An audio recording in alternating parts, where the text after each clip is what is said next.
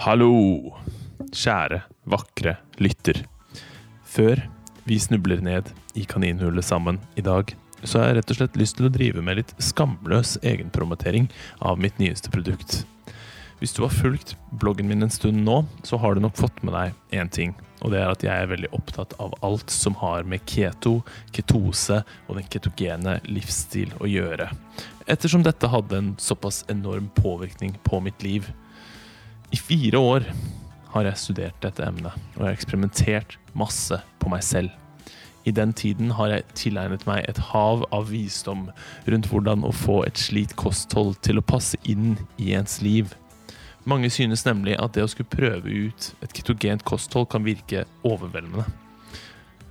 Det å sette seg inn i hvordan alt fungerer, og det å faktisk implementere det inn i sin travle hverdag på en enkel måte, uten å gjøre feil, virker som en stor oppgave.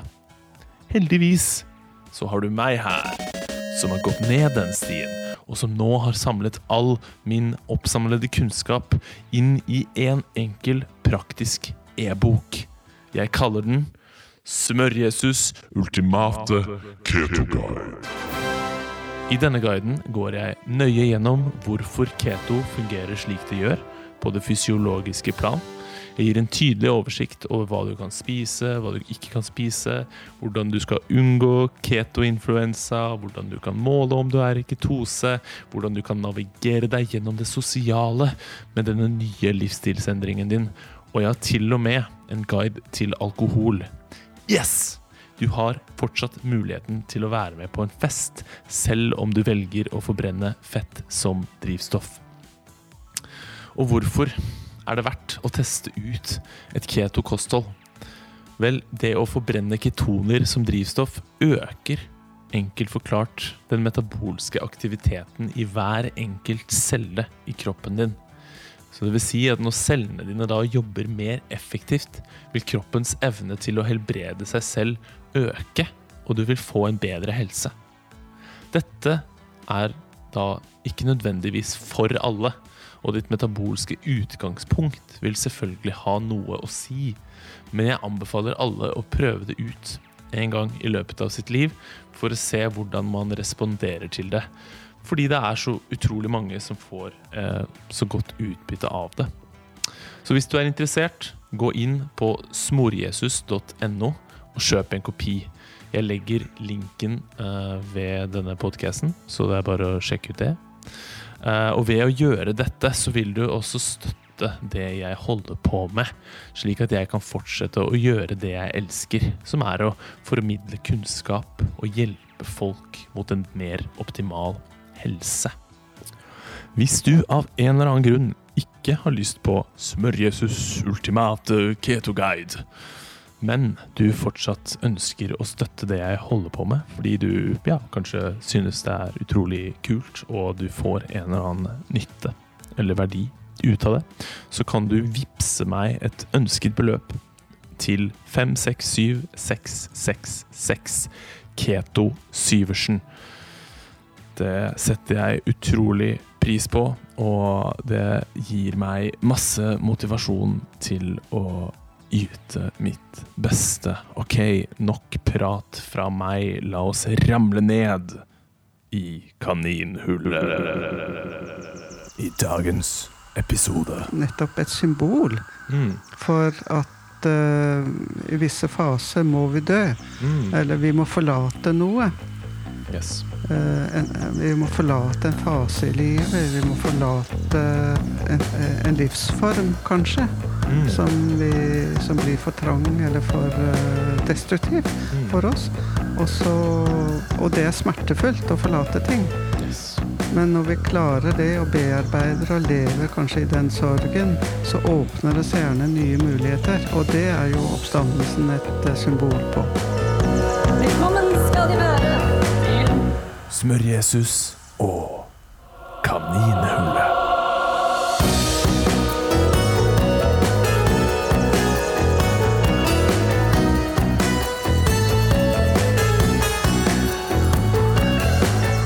Hallo, hallo, hallo. Hjemme der i hvor enn du befinner deg.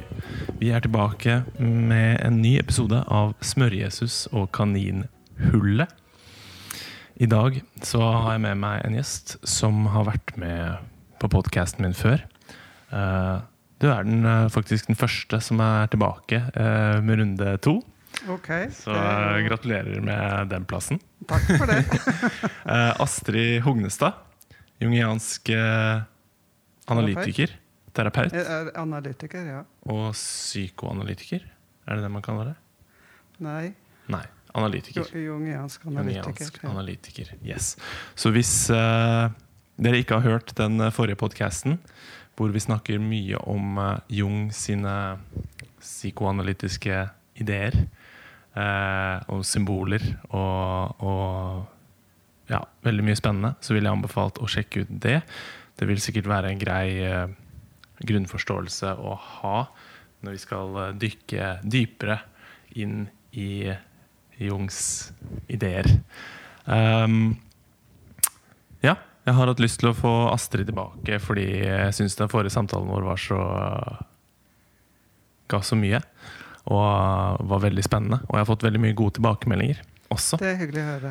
på, Ja. på spesifikt den podkasten.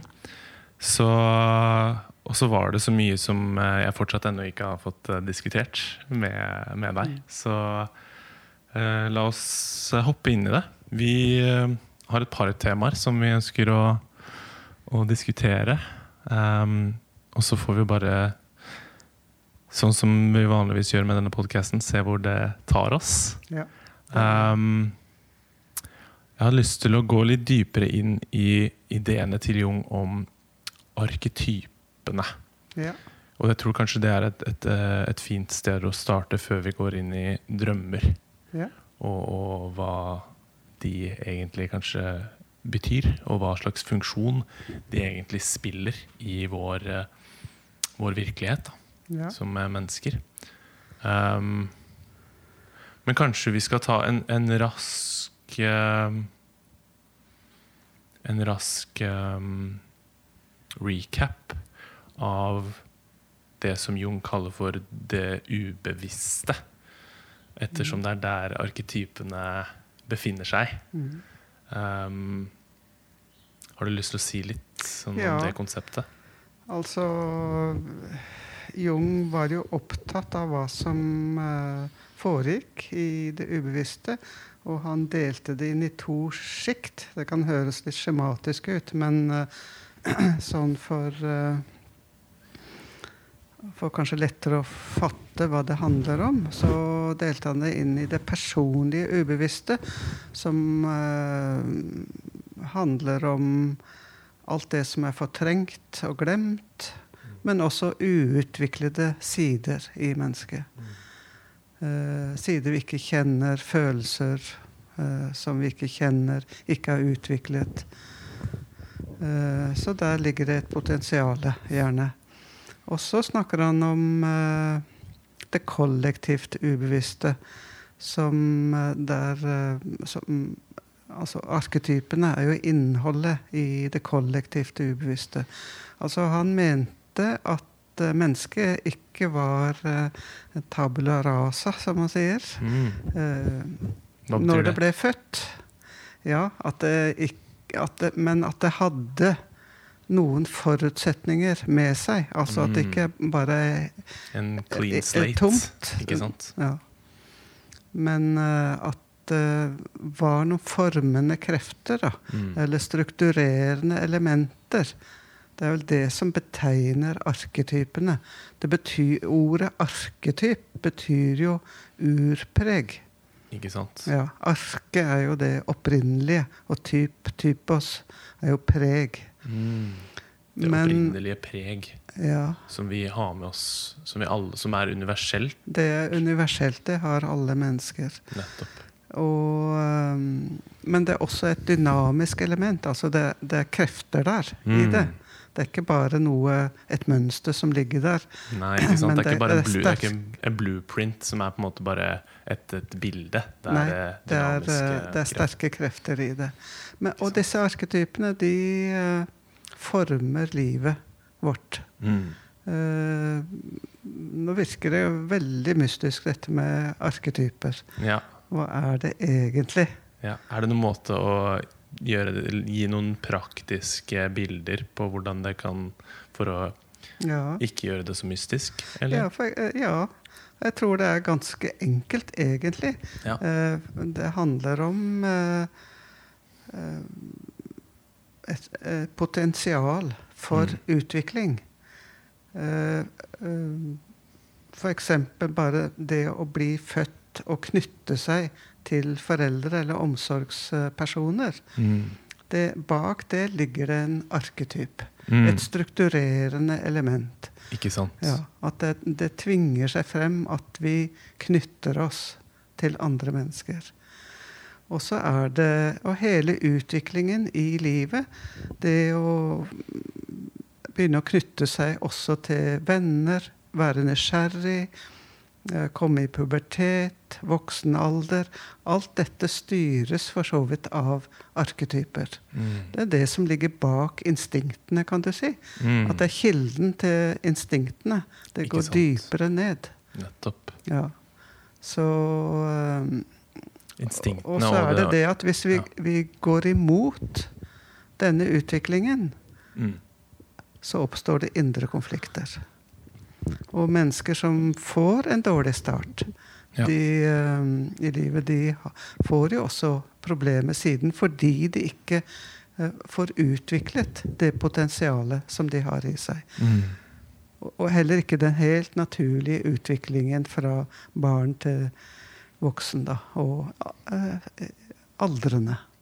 Har du et eksempel på hvordan eh, man kan oppleve noe fra f.eks. en tidlig alder som gjør at man eh, fortreng, Vil du si fortrenger et potensial da? Ja, jeg, jeg tenker ikke får utviklet da, et potensial Ja. fordi man ehm, gjemmer seg fra det, eller man klarer å gjemme det bort på en eller annen måte? Ja, bare det å eh, oppleve mye avvisning, krenkelser på andre måter i uh, tidlige år, eller som spedbarn, Mm. det gjør jo at egne følelser må skyves vekk som et forsvar Mm. for å, eh, i det hele tatt å overleve.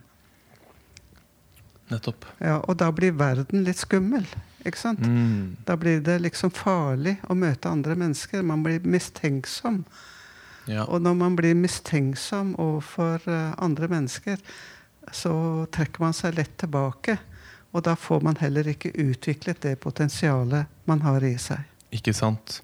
Så ideen om det å f.eks. Uh, tilknytte seg andre mennesker, Mm. kan du se på det som en arketype? Ja. ja. Så, så det er ikke noe med det, ja. Som alle mennesker der ute blir på en måte samlet under en paraply ja. i ens syke. Så Ja. når, så når den, man er ja, i, den, i den situasjonen, da, at man er med andre mennesker, så har du denne ideen som på en måte gjør at du da kanskje ikke får tilknyttet deg eh, mennesker. ja og så og ikke får det ja. ja, utviklet det, det potensialet, Eller den, det, de godene da, som kommer med å sant, tilknytte seg andre mennesker. Fordi det er en, en, en eh, Man har forstyrret den uh... Den naturlige utviklingen, rett og slett. mm, Ja. mm, Og du får ikke utviklet de, de helt uh, de per personlige egenskapene heller, på Mm. den måten. mm, Eller det skal mer til, da. Ja. Jeg tror aldri det er uh, umulig Nei, eller for sent. ikke sant? Nettopp. nettopp. Det er veldig godt Uh... Og det tenker jeg også er noe arketypisk.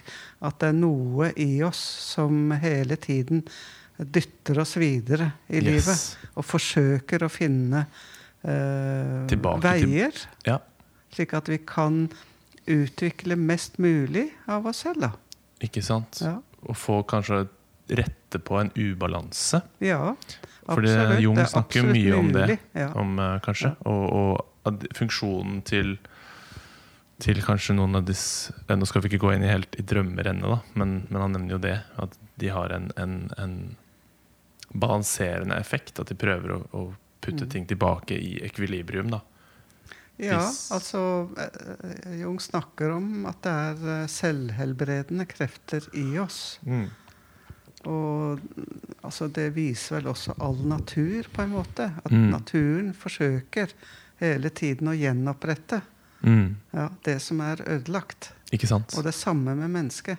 Ja. Det er noe arketypisk i det. Noe helt grunnleggende. Mm. Altså, Arketyper er grunnleggende krefter i livet, rett og slett. Ikke sant? Ja. Det samme som i, vår, i fysiologi så snakker man om homeostase. Ja. Ikke sant? At Ja. eh, kroppen har et sånt balansepunkt hvor alt er akkurat sånn som det skal, skal være. Ja. Og når ting faller ut av ubalanse, så er det ting til stede som prøver å ja, eh, kompensere og putte ting tilbake i dette ja.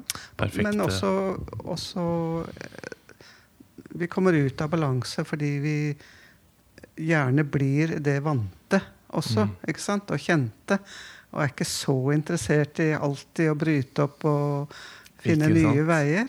Men ubalanse oppstår jo også når vi dveler for lenge i noe. Det kan være relasjoner Ja. som blir for trange eh, for oss, f.eks. Mm. Ikke sant? Eh, som er veldig hyggelige og, og nære og gode, men etter hvert så mm, kan det kjennes litt trangt. Ja. Og da er det noe arketypisk i oss som dytter oss videre, på en måte. Og da oppstår det en ubalanse. Og da oppstår kriser i livet. Ikke sant? Ja. Det kan oppstå som kanskje en depresjon eller Ja. angst eller et eller annet Ja. sånt. Og da, når den har kommet, så er det på en måte arketypene, kan du si, som sender en eh, form for beskjed Ja, det kan vi si. Ja. mm, om at det er eh, noe som er i ubalanse. Ja. Det er på samme måte som eh, fordøyelsessystemet. ikke sant? Hvis vi spiser for ensidig, Mm. det kjenner jo du til, Mm. eh, som har et opplegg for det, Mm.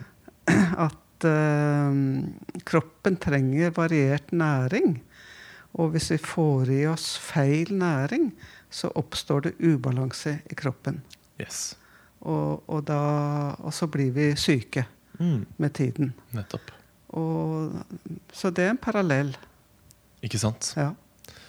Veldig eh, fin parallell. Men Jung var opptatt av denne utviklingen mot det han kalte en helhet. Mm. Altså Det innebærer å bli mest mulig av den man er. Ja. Ja. Mest mulig. Vi blir aldri eh, fullt Kommer oss ut. aldri helt dit. Nei, vi Med jobber mindre- hele, hele livet. Ikke sant? Ja. Men det er en sånn, eh, det er en sånn ting som altså Det er jo en arketype igjen, da. Ja. Uh, og Jung snakker jo også om for, altså Det er jo en, et symbol som man ser i veldig mange religiøse sammenhenger. ikke sant? Ja. Uh, kristendommen, i hvert fall Jung sin idé, var jo at de, Jesus var deres um, på en måte idé om, om et, et menneske som på en måte har fullt uh, inkarnert denne ideen. da ja. kommet seg til det ytter... Eller den, det senteret. Eller den, den eh, fullstendige balanse, det, det komplette mennesket. Det vi, Ja. det vi på en måte underbevisst Eller det arketypene prøver å trekke oss mot, kanskje. ja.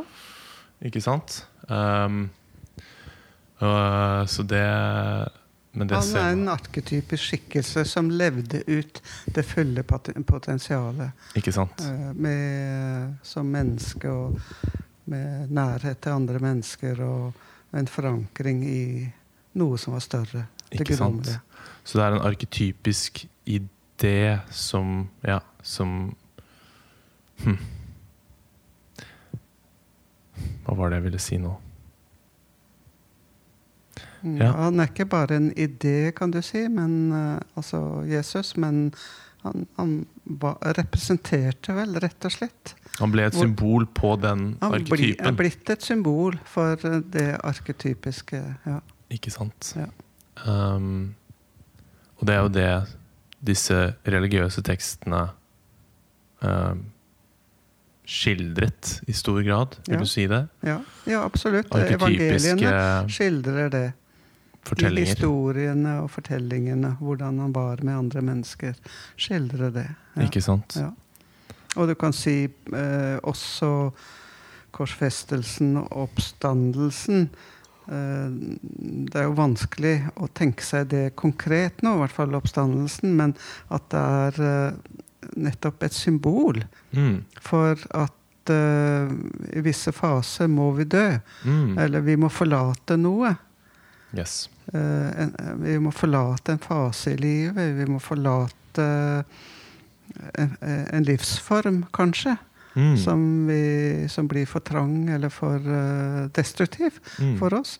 Og, så, og det er smertefullt å forlate ting. Yes. Men når vi klarer det og bearbeider og lever kanskje i den sorgen, så åpner det seg gjerne nye muligheter. Og Mm. det er jo oppstandelsen et eh, symbol på.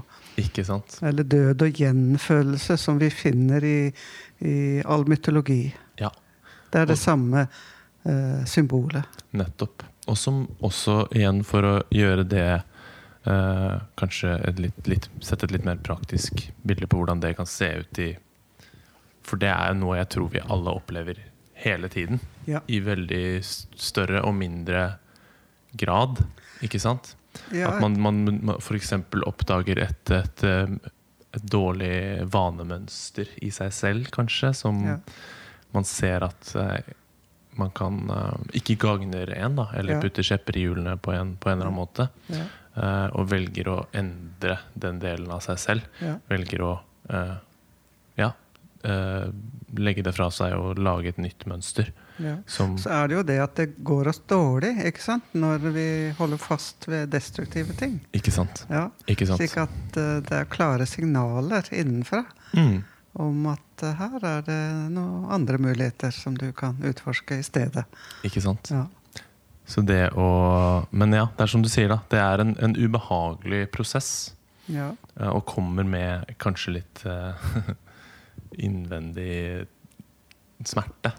Sånn som Jesus Ja. opplevde i, på korsfestelsen. Men at det er en, en, en del av um, prosessen. Det er en del av eh, prosessen. Men det er jo også Ja.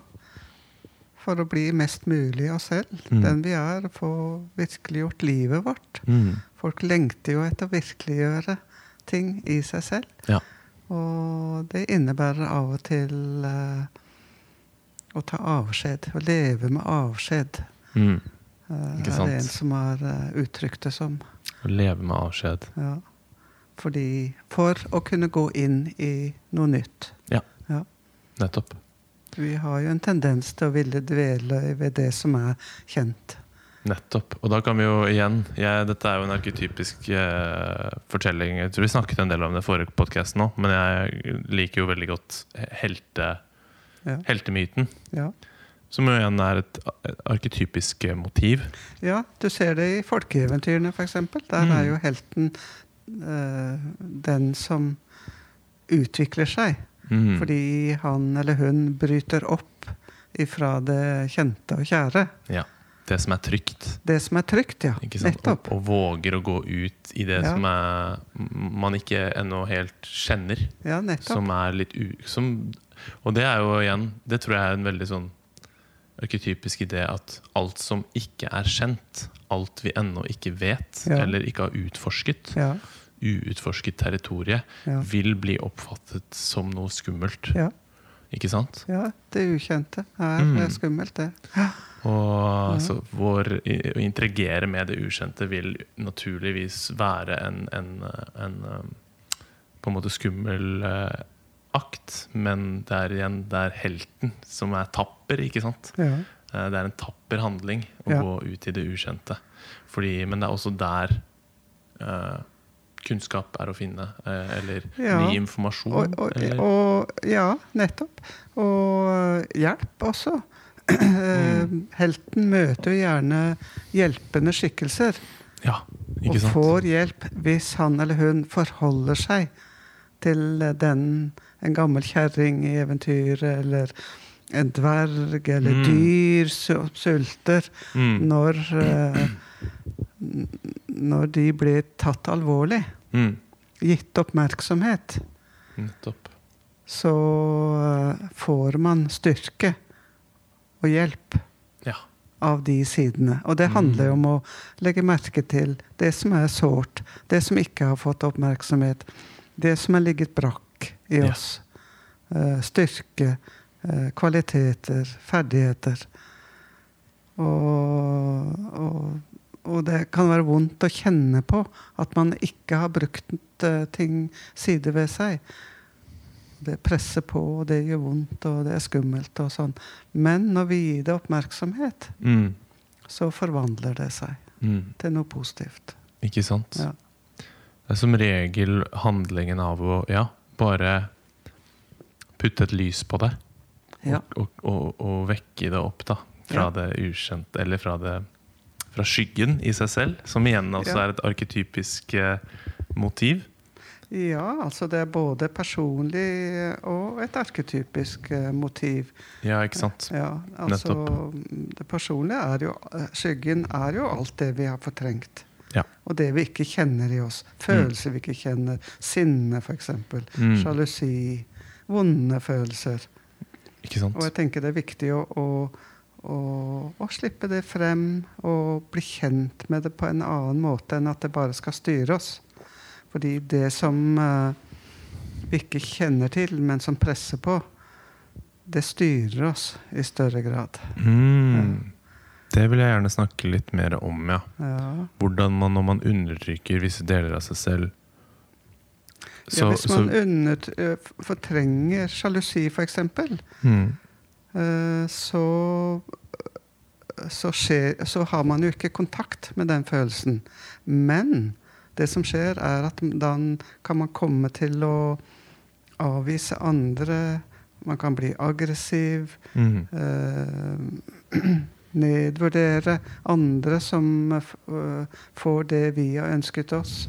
Altså både sjalusi og misunnelse. da. Mm. Ikke sant? Hvis man erkjenner det og sier 'Å nei, å, det skulle jeg også gjerne ha gjort', eller sånn 'Det skulle jeg opplevd', eller 'Den personen ville jeg også gjerne hatt kontakt med'. Mm. Hvis man anerkjenner det ønsket, så setter man i gang en prosess. Mm. Ikke sant? Ja, og da kan man få ideer om hva man selv kan gjøre. Ja. Men så lenge det bare blir liggende der, misunnelsen f.eks., eller sjalusien, Mm. så, så nedvurderer vi andre som får til det vi egentlig vil selv. Ikke sant? Eller har for lett for å gjøre det. Og så skal vi liksom ikke gjøre det, da. Nei. For det er liksom stygt. Ikke sant? Men, men en bedre vei er jo å kjenne på det. Og, og, og utforske egne muligheter til å utvikle seg på det området. Da. Mm. Det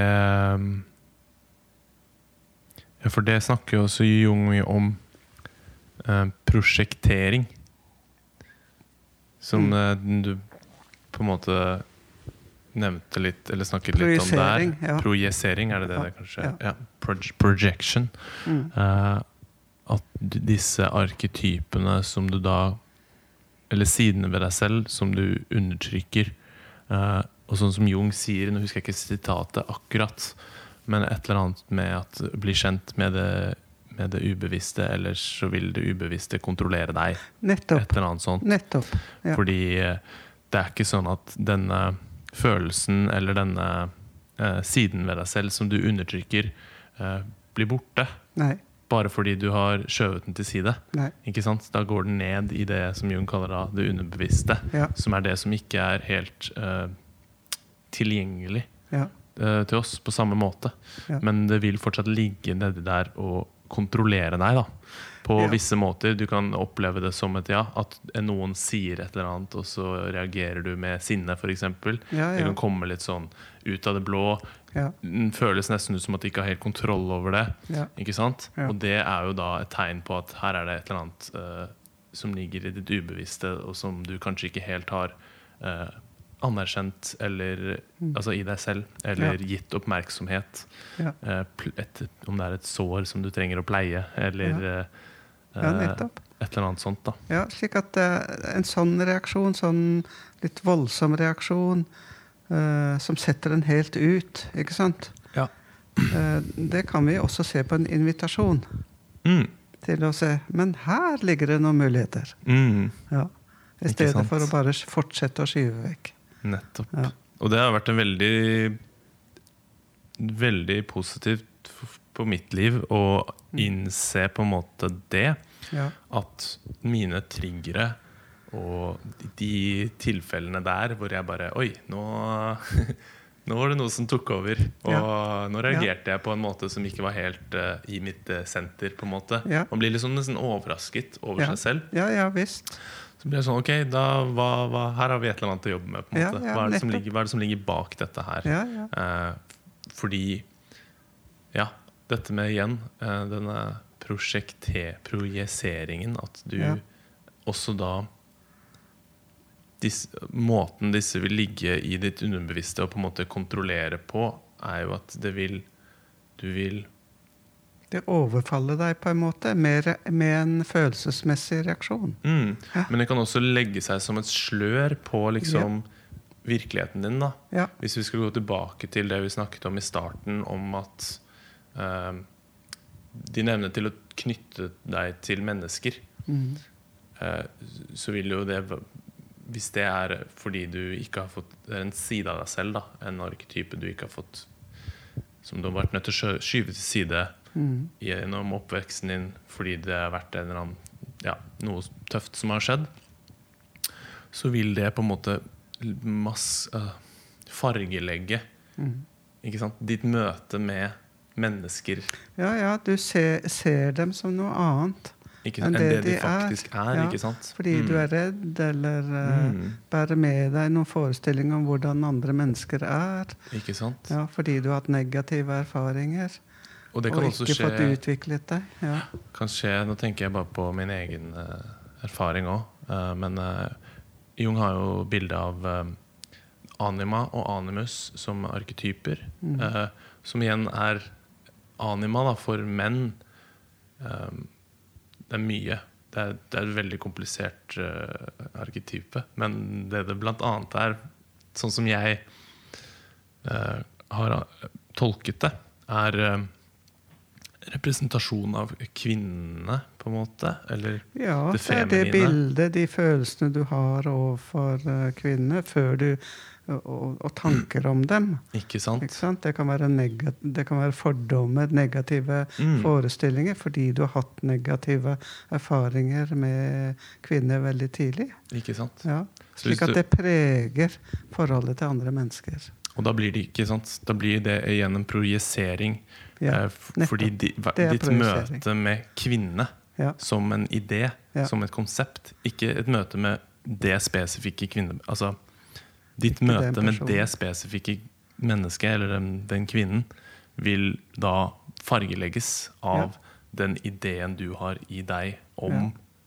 kvinner som en paraply, altså som en idé, da. Ja, altså det, blir, det er uh, sterke følelser knyttet til projisering. Ja. Ikke sant? Det du bærer med deg av negative erfaring, erfaringer. Yes. Eh, Det er ikke bare fargelegging, men det er fargelegging på den måten at det er eh, ganske sterke følelser. Ja. Ja. Og meninger.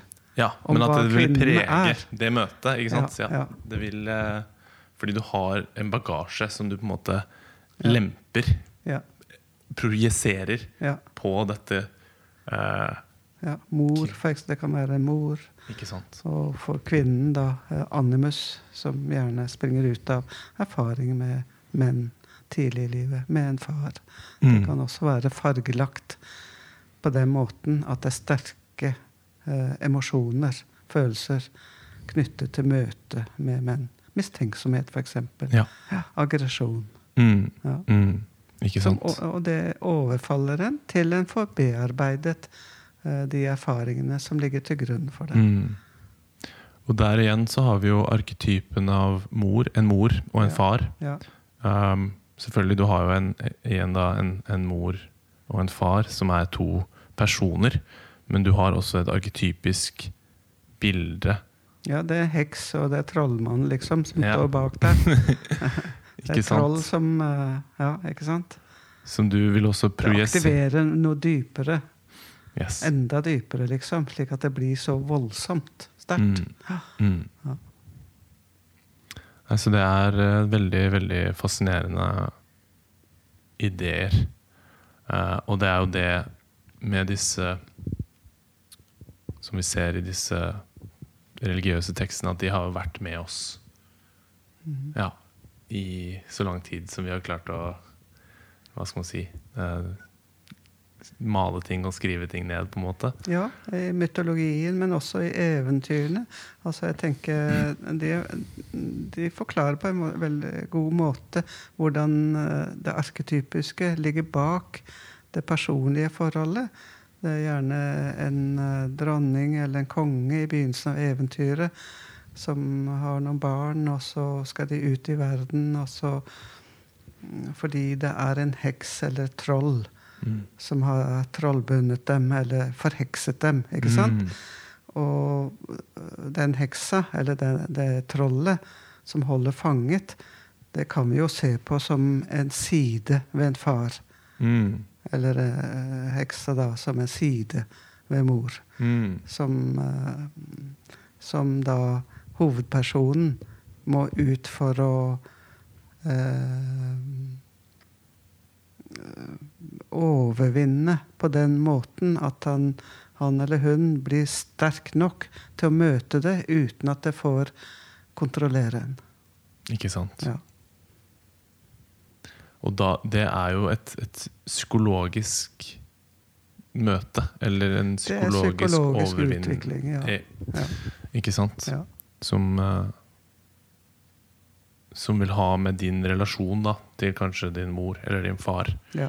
Eh, mer enn ja, en endring av ja, noe ytre, på en måte. Det er en indre endring. Ja. Ja.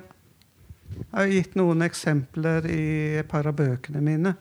ja. Eh, Den som heter 'Bror til oss selv', der er det en del eventyreksempler Mm. som eh, illustrerer nettopp dette her.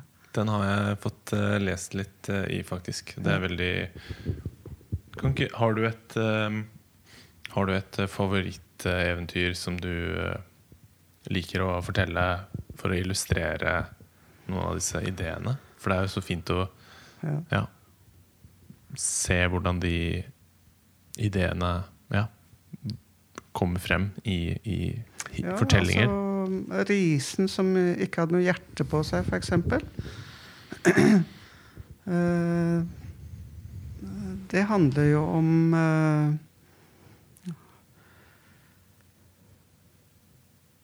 Om noen som skal ut og eh, befri en uh, prinsesse. Og um, Men på veien så blir jo kongssønnene de blir jo forsteinet fordi de ikke forholder seg til en sulten ulv da, som Mm. dukker opp på veien. De bare uh, altså, skyver han vekk, og han har ikke noe med dem å gjøre. Og, og sånn. Men det Askeladden som eh, begynner å forholde seg til ulven, Mm. og som gir den mat. Og da sier ulven, 'Ja, men nå skal jeg hjelpe deg, for jeg vet hvor den prinsessen er.' Og så blir den et ridedyr for, eh, for den yngste av kongssønnene, da. Ikke sant? Og det handler om å, å, å gi eh, viktige sider ved en oppmerksomhet og plass. Ja. Ja, det, selv om det ser ut som en, eh, et dyr som eh, holder på å, å sulte i hjel. Og det samme dukker jo opp i drømmene våre. Eh, samme motivet at mennesker eh, drømmer at de er ute og går, og så støter de på en katt eller hund eller et dyr ute i skogen som er i ferd med å dø. Mm. Og det er jo et bilde på dem selv. Ehm, og det er en arketypisk eh, situasjon, kan du si. Den krisen. Og så er det jo eh, spørsmålet da hvordan kan eh, eh, det dyret man eh, eh, møter, få liv igjen? Eller eh, hvordan kan man få krefter igjen til det livet man lever, da? Det Mm. handler jo om det. Et dyr som sulter, er jo gjerne et bilde på noe som ligger brakk, og som tar energi Mm. av oss. Og det samme i dette eventyret. Når uh, Askeladden da rir av gårde, og så forteller jo ulven hvor de skal, Mm. og hva uh, Askeladden skal gjøre og ikke gjøre. Og da er det jo Og disse brødrene, de er jo blitt forsteinet.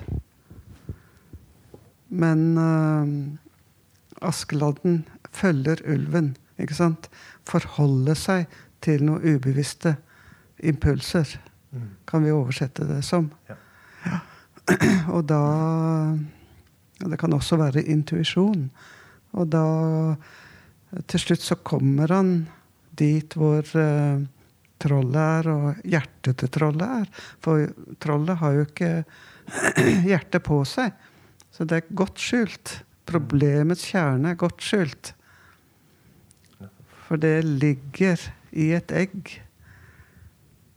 I en and som svømmer i en brønn. Inni en kirke. På en øy. Langt, langt borte. Og Askeladden må få tak i det egget og knuse det for også å kunne frigjøre brødrene sine fra forstening. Og det hjelper ulven han med. Så- men får det gitt hjertet tilbake til trollet, da? Er det det som er Nei, Nei. han tar jo livet av Han trollet. tar livet av trollet? Ok, jeg skjønner. Ja. Og, få, og, og da eh, frigjør han samtidig en prinsesse. Slik at han får tilgang både til eh, det feminine, kan du si, Mm. Uh, dypere kontakt med seg selv, og henter ut sk eh, skatter. Altså det at trollet blir uh, drept, det må vi ikke tenke på eh, for konkret. Nei. For vi kan komme til å synes synd på trollet. Ja, men Ja. det er igjen, igjen den arketypiske kanskje ideen med død og transformering. Ja, At det er nettopp. noe, noe Det handler på om en måte transformasjon. rått, Ja. Gåstegn Noe som holder oss tilbake. Noe rå- råttent. Eller ja, noe som man må gi slipp på. Ja, for å kunne Ja, få tilgang til energiskattene i berget. Mm. I fjellet er jo eh, symbol for energi. mm, Livskraft igjen. Og likens eh, kontakt med prinsessen. Og det å få mennesker ut av en forstening. Mm. Altså er, blir vi forstenet, så mister vi også energi. Ikke sant? Ja. Så det handler om å forholde seg til disse impulsene fra det ubevisste for å frigjøre energi, slik at vi kan bli mer levende mennesker. Og mer ekte i forhold til andre mennesker, og mindre redde i forhold til andre mennesker. Det er jo egentlig en litt sånn der, Det Jung prøver å legge frem, er jo et sånn rammeverk for en god psykologisk helse. Og det å bare ta Og det er det disse på en måte fortellingene uh, fungerer som. da uh, Ja. en, en, en måte å skildre eh, visse universelle ideer som på en måte er Altså som Psykologi. ja, som ligger i grunnen til vår Ja. psykologi, og Ja. kanskje vår Hvordan vi burde leve for å leve et godt liv. Ja, Eh, et sunt liv. Ja. Eh, og at hvis vi på en måte glemmer disse ideene og disse sidene av oss selv, så vil det skape psykologiske ubalanser. Mm. Og det Ja. Nettopp. Det er arketypiske fortellinger. Mm. Ja. Og, og aspekter av det opplever vi også i drømmene. Mm. De viser oss sider vi har uh, skjøvet vekk. Mange mennesker drømmer om nettopp skada dyr, f.eks. Mm. Og da er det noe i en selv som er skadet. Mm. Eller noen drømmer at de eh, Å, plutselig oppdager de De har jo glemt barnet sitt. Det er jo tre uker siden de har fått mat. Mm. Og hvor ligger det hen? Det er en typisk drøm for mange mennesker. Ja. Som ikke har hatt kontakt med egne følelser. Og egen vei, da, kan du Mm. si. Ehm, så det å begynne å forholde seg til det, det, det er den veien som Jung kaller individuasjonsveien. Som også er et arketypisk uh, bilde, da. Veien er jo et flott Veien. symbol. Ja. Ikke sant? Veien til selverkjennelse. Veien til selverkjennelse. Mm. Ja. ja. Til å bli vi jo- seg selv. Ja, Ja. ikke sant? Ja. Da kan vi jo Det var en fin eh, overgang til å snakke om eh, drømmer. Mhm. Og hva de betyr. Jeg tror vi mange i dag, eh, tiden vi lever i, at man på en måte bare forskyver det litt til, til side. Og eh, Mm. jeg tror i den vitenskapelige verden så er det ikke så mange som har gode forklaringer på hva, hvorfor vi drømmer, på en måte. Mm. Uh, men det er jo sånn som med det meste i evolusjonen vår, så spiller det jo en funksjon. Uh, det er jo ikke bare en en tilfeldig. Ja. på en måte, ting som har oppstått, det at vi drømmer. Eller det, det virker litt for uh, naivt å, å tenke det. At det er bare tilfeldig. Det er en del av evolusjonen, ja. Eh, og drømmer er jo en måte å bearbeide ting på. Det er Mm. jo fordøyelse også. På Mm. samme måte som eh, tarmsystemet vårt. Ja. Fordøyelsessystemet. Bearbeider mat. Så, eh, så bearbeider, bearbeider det ubevisste eh, alt det vi opplever, Ikke sant? eller ikke opplever. Eller det som ligger eh, latent i oss. Det, det kommer da i form av drømmer. Mm. Ja, og forteller oss at eh, her er det noe du kan se på. Altså, Drømmen er en invitasjon til å bli mer kjent med seg selv. Få lov å utvikle eh, sider for å få det bedre i livet. Ja. Ja, rett og slett. Ikke drømmen. være styrt av eh, masse følelser som skapes kaos. Nettopp. Ja. Vil du si at drømmene ehm, prøver å kommunisere Ja. med din Fordi da har du det ubevisste, Ja. og så har du jo det bevisste. ja. Det bevisste som er kanskje Som Jon kanskje også ville kalt vårt ego. Eller? Men det, altså det, som, er det liksom- vi vet om verden, og som på en måte er i vår bevisste Det er den bevisste delen. Og ego er på en måte sentrum i den bevisste delen. Jeg, Jeg, er samme som jeg, ikke sant? Mm. Jeg velger vi, du, vi har avtalt, du og jeg har avtalt dette møtet. Mm. Vi har eh, tatt et valg. Det er jeget som gjør, eller egoet som gjør. Ja. Uh, og fordi vi har en Vi vet noe om hverandre og hva vi kan uh, gjøre sammen. Ja. Så bevisstheten er, som du sier, alt det vi vet om oss selv. Ikke sant? Ja. Så den ideen også vi har om oss selv. Ja. Og så har, men så er det du er ikke bare ditt ego, ikke sant? og det er jo det Jung vil inn i. At du har en stor del av deg selv som du ikke Ja. Som ikke er tilgjengelig på samme måte, da. Ja. Men som ligger i det underbevisste. Ja. Og der er jo også drømmer en, en del av det underbevisste. Og at, sånn som i hvert fall jeg eh, tolker det, at de, de har ikke den samme Altså, de har ikke De kommuniserer gjennom symboler, da. Mer ja, enn en, drømmer er, består av symboler, på en Mm. måte. Ja, og det er en kommun et kommunikasjonssystem fra det ubevisste. Mm. Uh, Ut ifra en uh, Ut ifra muligheter til utvikling. Ja. Ja, Ut ifra en helhet, kan Mm. du si. Ja. Og så drømmene forteller deg ja, men hvis du utvikler dette, så blir du mer deg selv. Blir du mer hel. Ikke sant? Ja. Men det kommer som regel ikke i en sånn ikke, Sånn som er mer eh, kanskje vår bevisste hjerne, som er mye kanskje språk og tanker og mm. sant, ganske klare, klare beskjeder. Ja.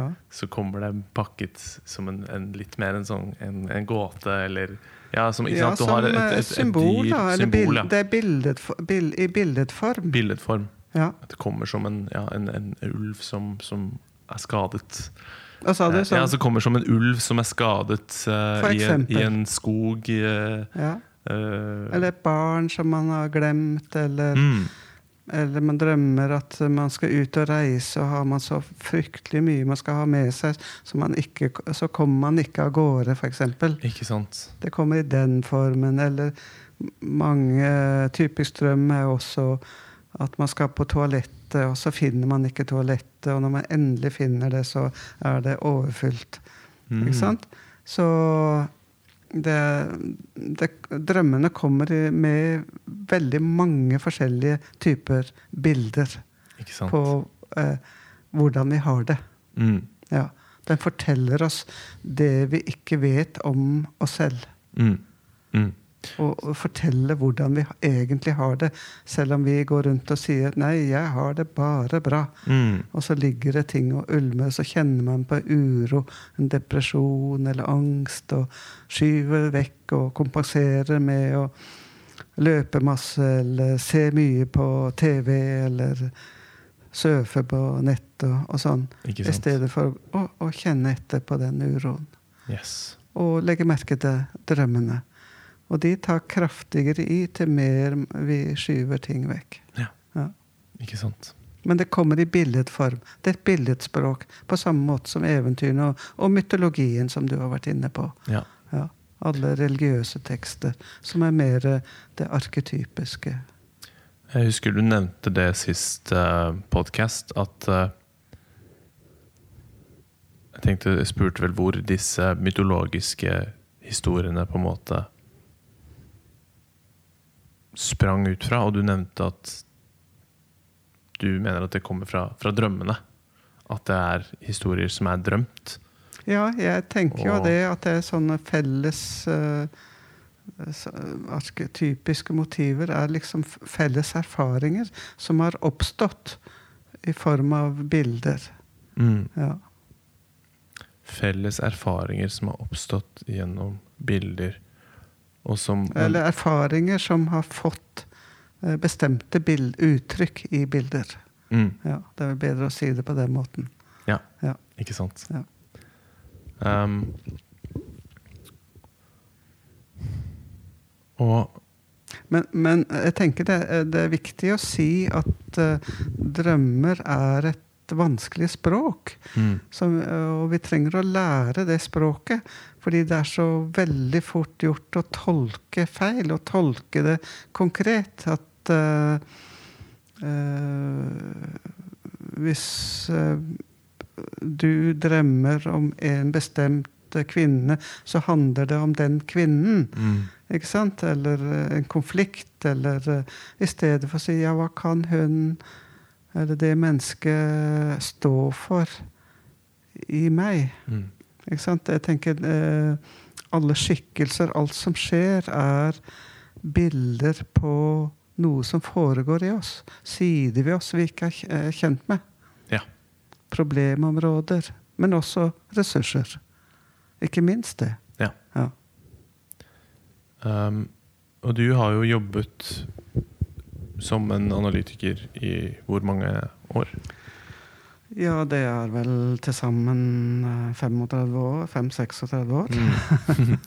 og en del av um, ja, de verktøyene du bruker, kan man si det på den måten, er vel en drømmeanalyser. Det er drømmearbeid, ja. Ja. Jeg kaller det arbeid med drømmer. Arbeid med drømmer. Fordi eh, det er veldig viktig at ikke jeg tolker drømmene for folk, Mm. men at vi finner frem til hva den, en drøm kan bety. At vi gjør det i fellesskap. Fordi det er den som har drømmen, som sitter med nøkkelen. Mm. Men uh, han eller hun forstår gjerne ikke uh, hvor nøkkelen er. Og, og den finner vi gjennom å snakke om ja, når oppsto drømmen? Hva skjedde før du hadde den drømmen? Eller hva, hva er det du er opptatt av for tiden? Hvilke følelser, fantasier, tanker eh, er det som fyller deg? Mm. Ikke sant? Det er gjerne, der ligger gjerne nøkkelen til å forstå. Og det, det må komme frem i løpet av en, en samtale.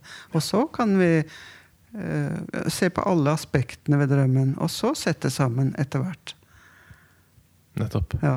Og, og si kan det ha noe med det å gjøre? Kan det være et bilde på uh, at du uh, tilpasser deg for mye, f.eks.? Mm. Ja. Ikke sant. Har du, har du noen gode Altså, i dine 35 år med arbeid med drømmer, Mm. så har du noen gode eksempler på, på hvordan en sånn prosess har eh, På en måte, ja, Hvordan man har kommet frem til en nøkkel da, gjennom en sånn prosess ved å se på, på drømmer og sånn Ja, altså Jeg pleier å si at eh, når jeg har drømmegrupper, eller har hatt drømmegrupper, at det handler om å utforske. Og det handler om å utforske, og det handler om å utforske. Ja. Ja. Hva er det som har skjedd? Hva er temaet ditt i livet?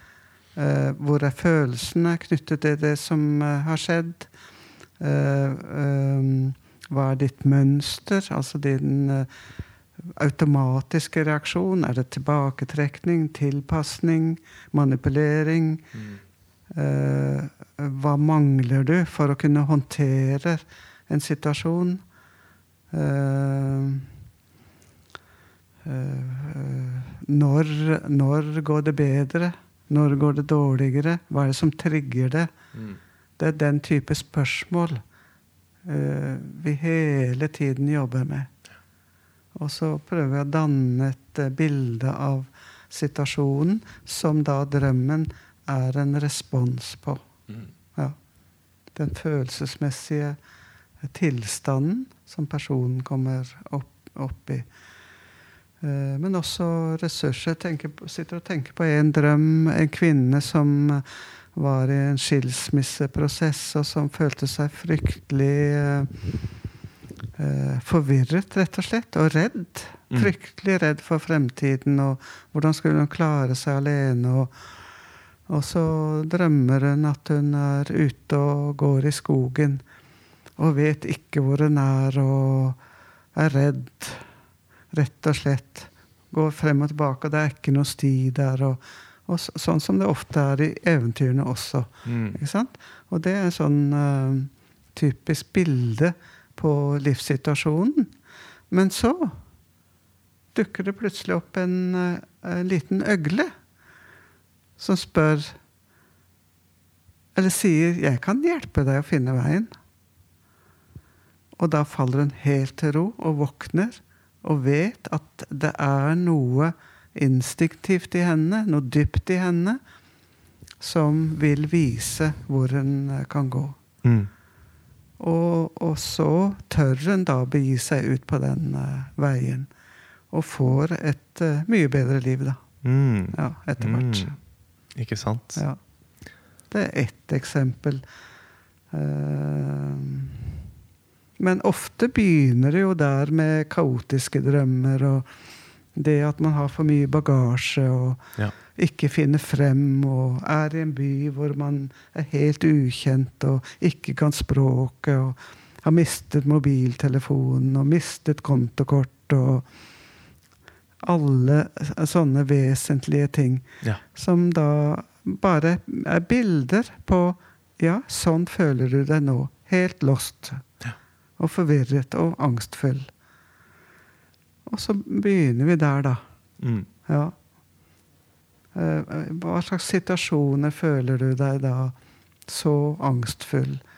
Hvor, hva opplever du som gjør at du blir forvirret? Hvordan har du det med venner, med partner, eh, på jobb?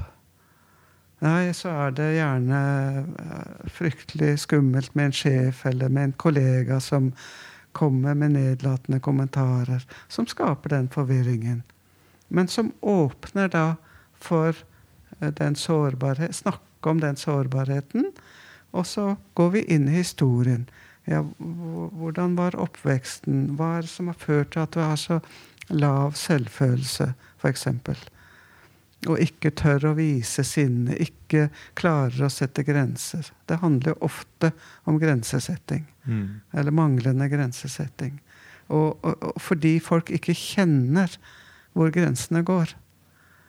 Det må man eh, lære gjennom eh, samtale. Gå gjennom situasjon etter situasjon. Igjen og igjen og igjen. Det er ikke nok med en gang, liksom. Nei, At nå bør jeg kunne det- det. Hvor er det jeg har kjent at her går grensa, på en måte? For Ja. å, gå gjennom det, for Ja. å lære seg hvor den, hvor den går. Ja. Ja. Og, og også reflektere i ettertid. Kjenne etter i ettertid. Nettopp gjennom en samtale. Mm. Ja, hadde du egentlig, hva, hadde, hva hadde du egentlig lyst til å si? Mm. Hvis du hadde turt det. Ikke sant? Det å mm, fantasere litt. Hva kunne du ha sagt? Eh, og, og gjerne ha et lite rollespill, eller snakke om det igjen og igjen. Så kan det vokse frem, Mm. den eh, evnen. Det er ikke noe man bare kan bestemme seg for. Fordi det ligger så sterke følelser eh, til grunn for eh, Fordi man ikke tror man er noe verdt. Og da har man heller ikke lov til å si noe. Nei. Nei. Ikke sant? Ja. Så Og så utvikler det seg fra det, og så oppstår det nye situasjoner, og, og ja, skal, skal man ta valg, og så må man eh, lære seg til å kjenne etter. Hva vil jeg egentlig? Mm. Ja. Nettopp. Men det er en lang prosess å komme dit, for folk har gjerne skjøvet det til side pga. av negative erfaringer. Ja. Og man ikke har fått lov å utvikle den evnen til å kjenne etter hva man selv vil, og, og, vil, og ønsker å stå for. Mm. Ja. Det blir andres normer og forventninger som styrer. Mm. Og så blir følelsene liggende brakk og, og, og styre. Så blir man deprimert. Ja. Styrer på den måten. Mm. At man bare tilpasser seg og får det dårlig og eksploderer kanskje innimellom og bryter sammen. Og, Ikke sant? ja. Men det er fordi det ligger et potensial der. Mm. Ja. Og det er viktig. Ja. Ja. Og det vil ja, trenge seg frem. Det vil trenge seg frem. Nettopp på den Mm. måten. Mm. Og da er det viktig å ikke bare medisinere, Nettopp. Men ta tak i det. Mm. Bearbeide. Yes. Øve. Snakke om det. Ja. Igjen og igjen. Det er en lang prosess. Jeg har brukt mange år på å bli mer meg selv, da. Mm. Ja. Ikke sant? Samme her. Ja. Ikke sant? Det er, det er, det er ikke noe man blir ferdig med. Nei. Nei. Det er som en sånn, eh, en sånn løk Ja. Med bare en haug med sånne skall, føler jeg. ja, det er mye som skal, skal Skrelles. skrelles. av Mm. ja, for, å komme inn til kjernen. Til uh, senter av Ja. mandalaen, Ja, ja nettopp. som Eh, Helhetssymbolet. Jung var glad i å male. Ja. Har du, har du drevet noe med det? For er ikke det også en del av Jungs uh, Arbeidsmetode. arbeidsmetode? Eh, Jeg kan ikke si jeg har drevet så mye med det. Jeg har drevet mye med maling. Ja, Ja, og da oppstår av og til mandalaen. ikke sant? Ja. Men jeg vet om mennesker som eh, maler f.eks. Uh, bilder fra Bibelen som en Mm. del av sin egen prosess. Mm. Men i, i mandalaform, Mm. men legger te, uh, eh, Bruker sin egen historie Mm. inn i, i fortellingene. Ja. Ja. Så eh, og, og, ja. Kan jo bare oppklare raskt hva en mandala er. Det er. Man har sett mange av de, men det er jo på en måte en, et sirkulært motiv som peker inn mot en, en kjerne, på en ja. måte. Og et sentrum. Ja. Det er, er jo, forekommer jo i alle religioner, alle Ja. kulturer. En sånn si- helhetssymbol. Nettopp. Ja, med, et, med en sirkel som uh, betegner også uendeligheten, og gjerne en firkant. Og gjerne delt inn i fire felter, Mm, ikke sant? og med et klart sentrum. Fire er jo også et eh, veldig arketypisk uh, motiv. Det jo det. Um, Hvordan man putter eh, Vi putter ting i, i orden gjennom eh, fire Altså du har årstidene, du har Ja, Klokken har fire på en måte hovedpunkter. ja. Eh, Du har nord, sør, Vest, vest, ja, det er nettopp. Ja. Eh, Så det er også veldig interessant. Ja. Jung var veldig opptatt av tallet fire. ja da, han var det. Ja. Så her er veldig spennende, spennende ideer. Um, jeg har litt lyst til å snakke om um, hvor i all verden Jung oppdaget Hvordan han oppdaget disse ideene. Mm. For han, jo, han har jo en ganske interessant historie når man begynner å Absolutt. lese om eh, Ja. hans arbeid selv Ja. med, med dette Med arketypene, Ja. med drømmene og visjonene som han hadde. Ja. Jeg har selv lest eh, Red Book Ja. nylig, Ja. som, eh, som er eh, Sånn som jeg har forstått det. Um, en periode av Jung sitt eh, liv hvor han var veldig Hvor i hans egne ord hvor disse arketypene nærmest ja, trengte seg gjennom uh, og inn i hans syke og, og ga han mye informasjon som han eh, eh, konsentrerte da ned i denne boka. Ja, Ja. det er helt riktig. Eh, men jeg, jeg tenker også det er viktig å se at Jung var i en dyp krise Ja. da denne prosessen eh, begynte. Eh, det var, han hadde jo vært kollega med Freud. Ja. Og hadde utviklet sine egne ideer om det ubevisste som Freud ikke kunne akseptere.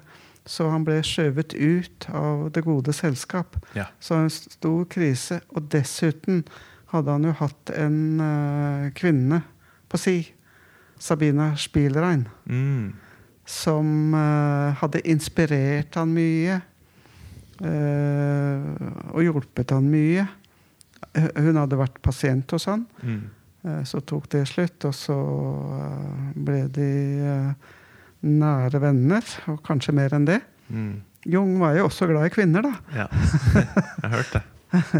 Så, men så kom det jo også til et brudd Ja. der. Så, og det tror jeg sammenfalt sånn noenlunde i tid. Eh, Mm. brudd med Freud og Sabina Spielrein og eh, Og det og utestengning fra det gode selskap. Eh, så han var i en dyp krise og kjente at det var noe som presset på innenfra Mm. som følge av det. Eller det aktiverte vel det, den prosessen, da. og så lot han det stå til, da. Og lot ting komme. Mm. Og han var jo redd for å bli psykotisk og sånn, men så hadde han familie, og han hadde konkrete ting han gjorde. Han hadde et yrke. Han var psykiater. Ja, Ja, som liksom holdt han fast uh, i virkeligheten, da. Og så, og så lot han dette komme med indre dialoger med arketypiske skikkelser. Ja. Og, og som gjorde at han uh, utviklet forholdet til det ubevisste mm, på Altså Det er jo skremmende bilder eh, som han forteller om. Ja. Eh, Men etter hvert så endret jo det seg. Og han falt jo mer til ro i livet. Og, og den prosessen er jo et veldig viktig bidrag i utviklingen av teorien. Nettopp dette at han våget å møte det ubevisste på den måten. Mm. Og oppleve eh, dette materialet. Ja. Disse skikkelsene i form av indre bilder da, Ja. og dialoger. Han, Så eh, det var en viktig kilde.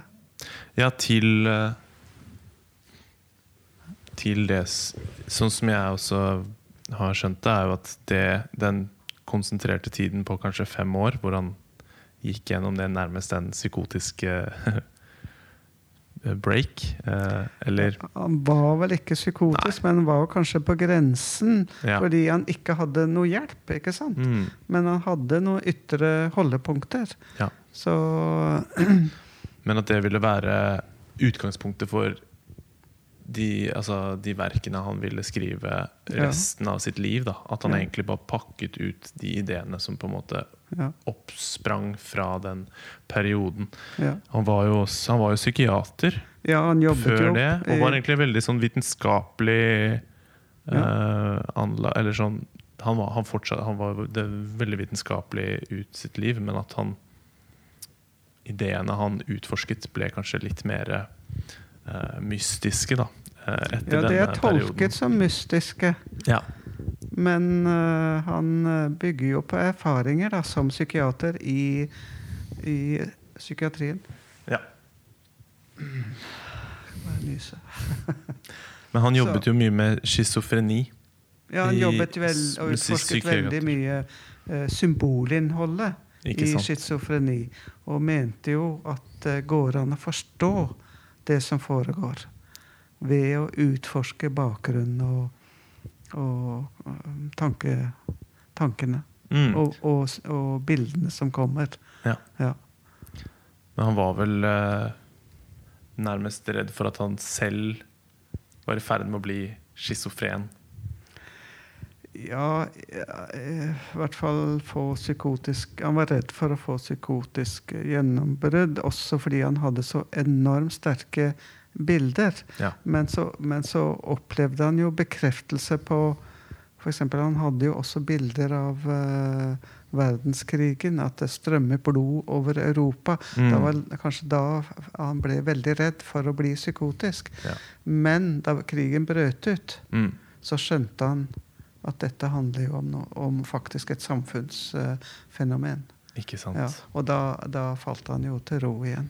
At det var noe Ja, at det var noe konkret informasjon, Ja, kanskje, i Ja. disse visjonene han hadde. Som du sa, det er jo en Ja. veldig kjent uh, historie at han før, verden, før første verdenskrig brøt ut, at han hadde disse visjonene om Ja.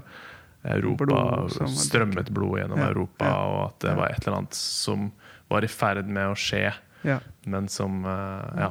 Og så, og så kom da første verdenskrig, som var et, et enormt blodbad, ikke sant? ja. Men jeg tror tegnet på at han ikke var psykotisk, er det arbeidet han gjorde. Mm. Fordi han malte, han Mm. skrev.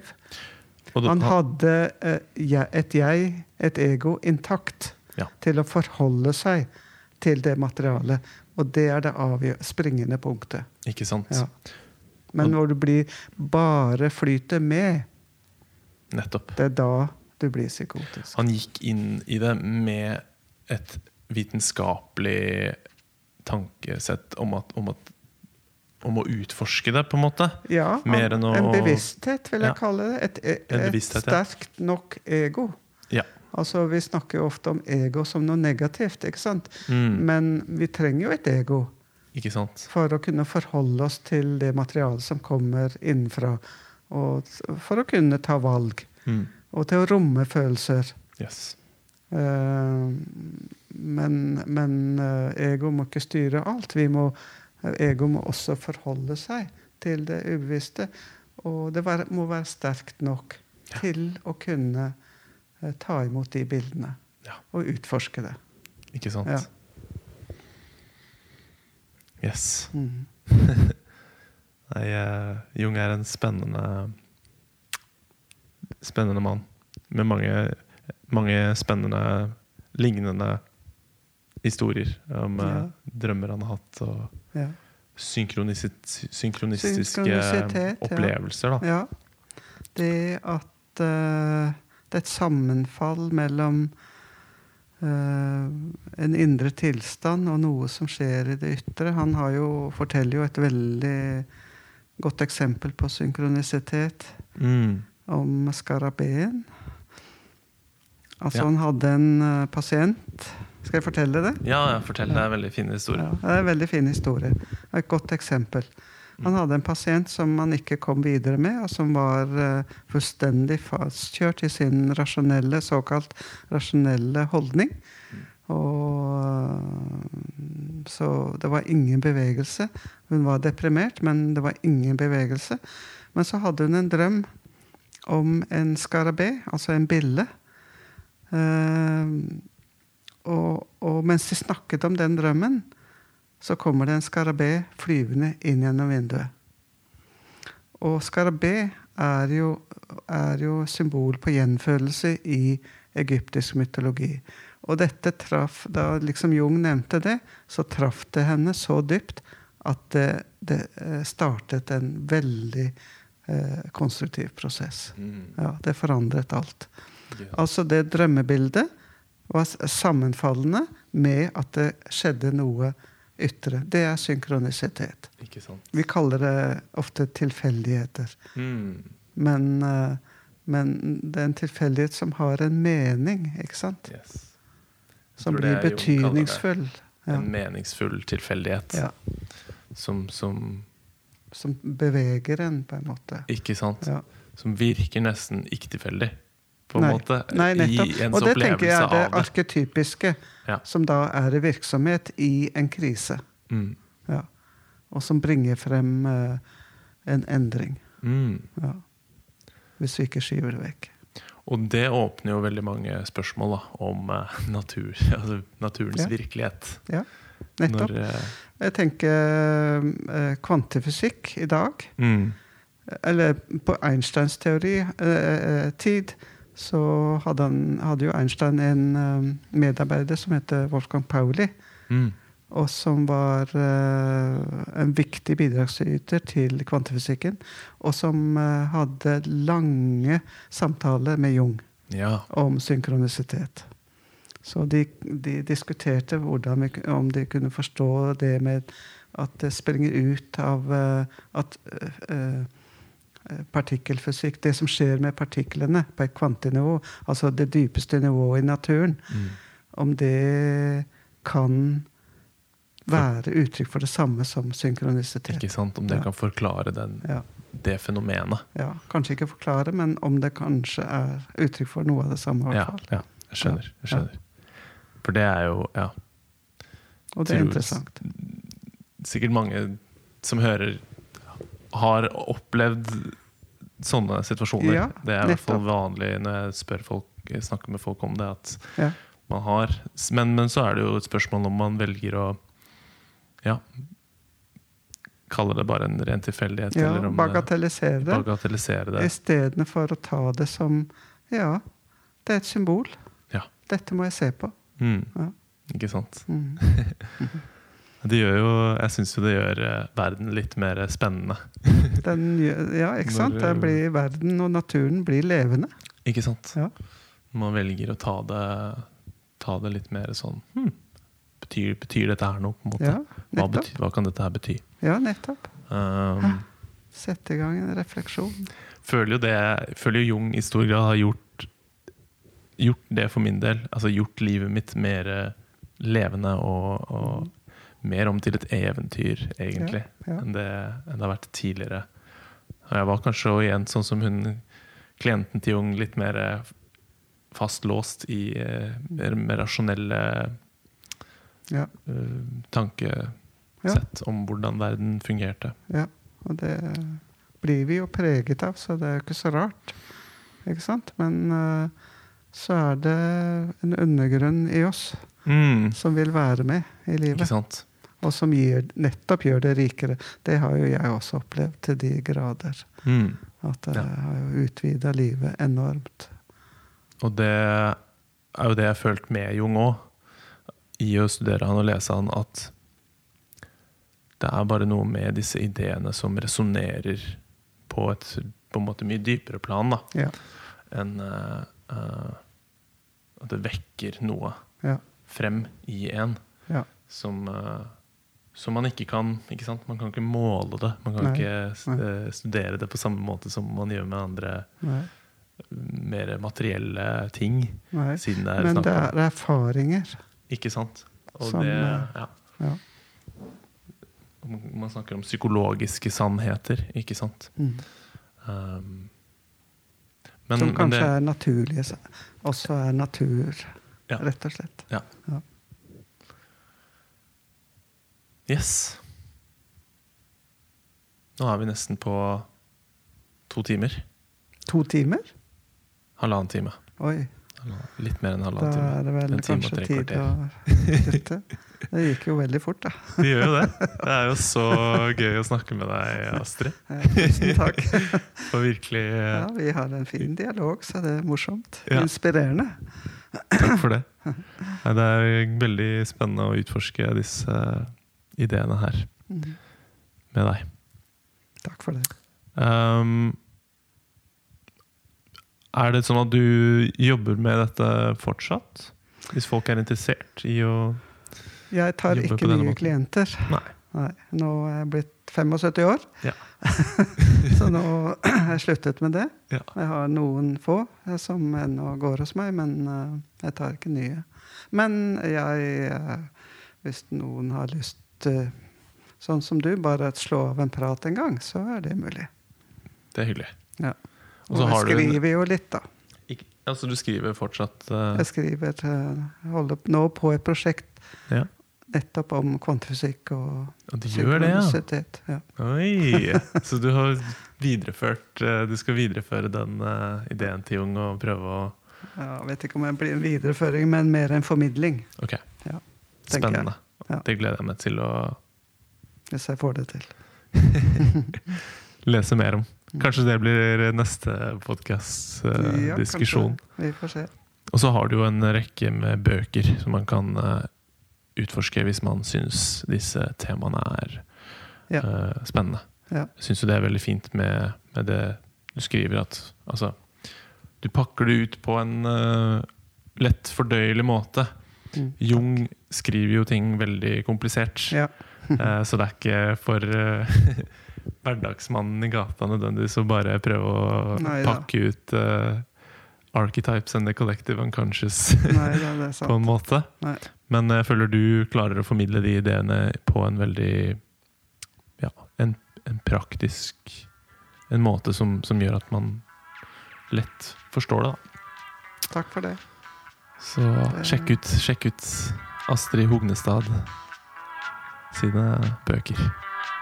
Ok, da tenker jeg vi takk takker for nå. I like måte. Takk skal du ha. Smør-Jesus signing off.